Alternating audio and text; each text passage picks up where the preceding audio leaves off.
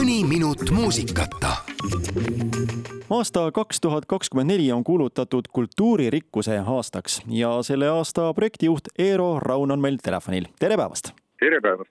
ühelt poolt see kõlab hästi lihtsalt, kultuuririkkus ja sellele pühendatud aasta, aga kui te peaksite paari lausega kokku võtma, kas see asi on siis nii lihtne?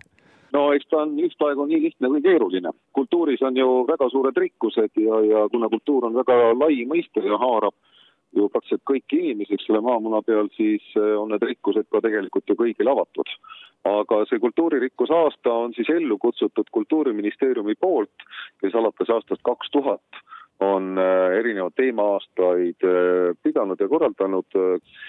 üllataval kombel on küllalt palju selliseid sihtgruppe, kellel veel ei ole sellist oma teema-aastat olnud noh, üks äh, sihtgrupp on kindlasti erinevad rahvusvähemused, aga tegelikult ka näiteks erinevad puuetega inimesed äh, ja eks neid selliseid rühmasid, kellele see aasta võiks eriliselt kõnetav olla, leidub kindlasti veel ja veel.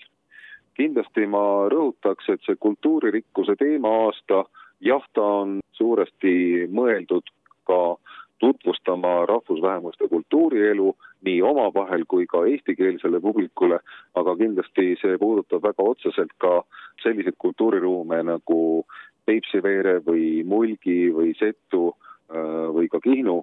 tõsi ta on, et äh, meie elu kipub olema järjest rohkem kapseldumine silatornides ja sellepärast äh, ega väga naljalt ei satu näiteks setud mulgid ja hiidlased äh, kokku omavahel, tahaks seda rohkem sellel aastal saavutada.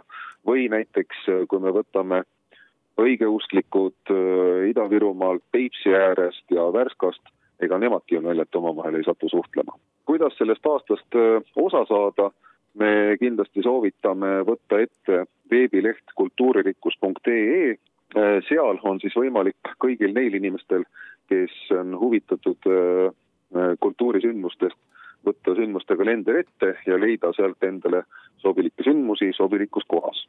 näiteks äh, juba sellel nädalavahetusel, eelkõige laupäeval, on siis tõesti üle Eesti kõigis maakondades toimuvas äh, sündmused, äh, mida me korraldame koos hea koostööpartneri Eesti Rahvakultuuri Keskusega ja pluss siis kohalikud korraldajad erinevates maakondades ja seal on tõesti väga-väga eriilmelised sündmused laupäeval, kolmeteistkümnendal jaanuaril kell kolmteist äh, löövad ka väga paljude kirikute kellad üle Eestimaa kas Eesti inimene ongi natukene võib-olla selline kummaline tegelane, et ühelt poolt öeldakse, et eestlane ei taha nagu väga kedagi jutumärkides enda hoovi lasta, aga ise reisib maailmas küll ja tahab ringi vaadata, et kas ongi meie eripära, et me tahaksime teisi kultuure kuidagi avastada ja tundma õppida, aga samas me endale teisi väga lähedale lasta ei taha või?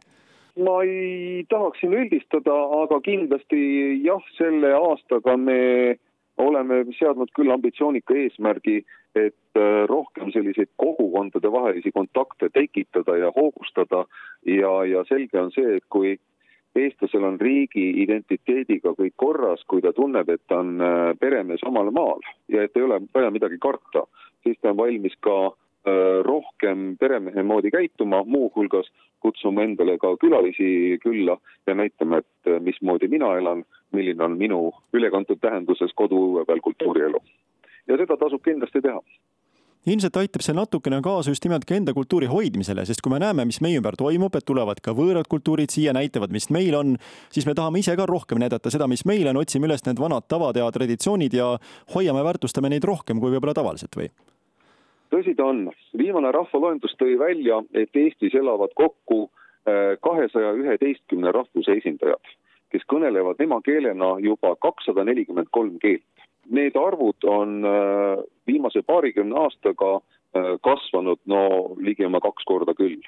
ja see tähendab seda, et nendele nii-öelda ida poolt tulnud rahvastele, kelle esindajad sattusid siia väga paljudel juhtudel nõukogude perioodil, on tulnud hästi-hästi palju äh, neid inimesi, äh, kelle juured on juba üle maailma.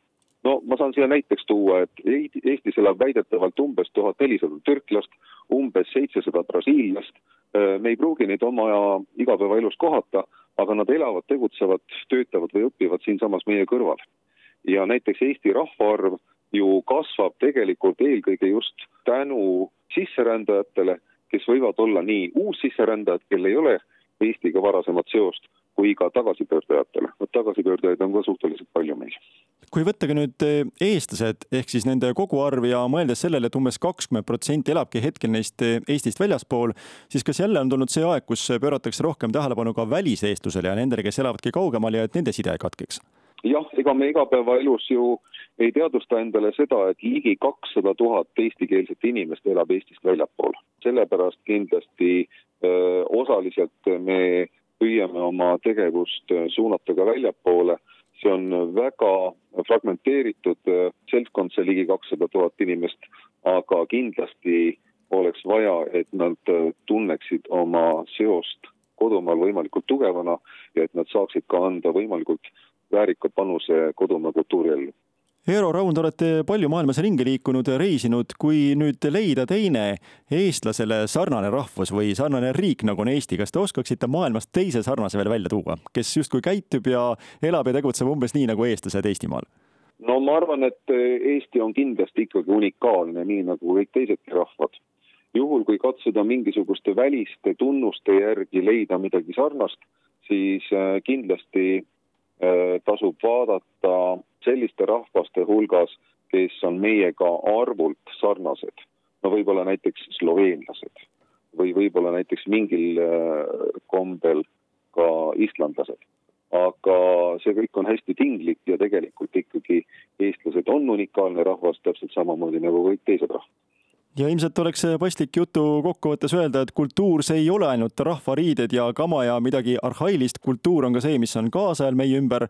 ja täpselt nii, nagu te ütlesite, kultuur on ka see, kui võib-olla Peipsi kaldal elav eestlane läheb külla näiteks kuskil Narva lähedal elavale eestlasele või, või hoopis Kuressaares elavale eestlasele.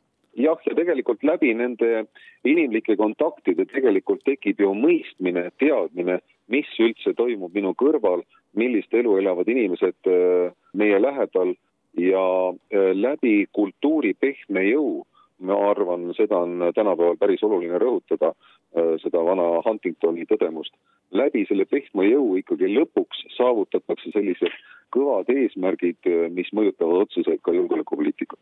suur aitäh, Eero Raun ja põnevat kultuuriaastat! aitäh ja teile ka!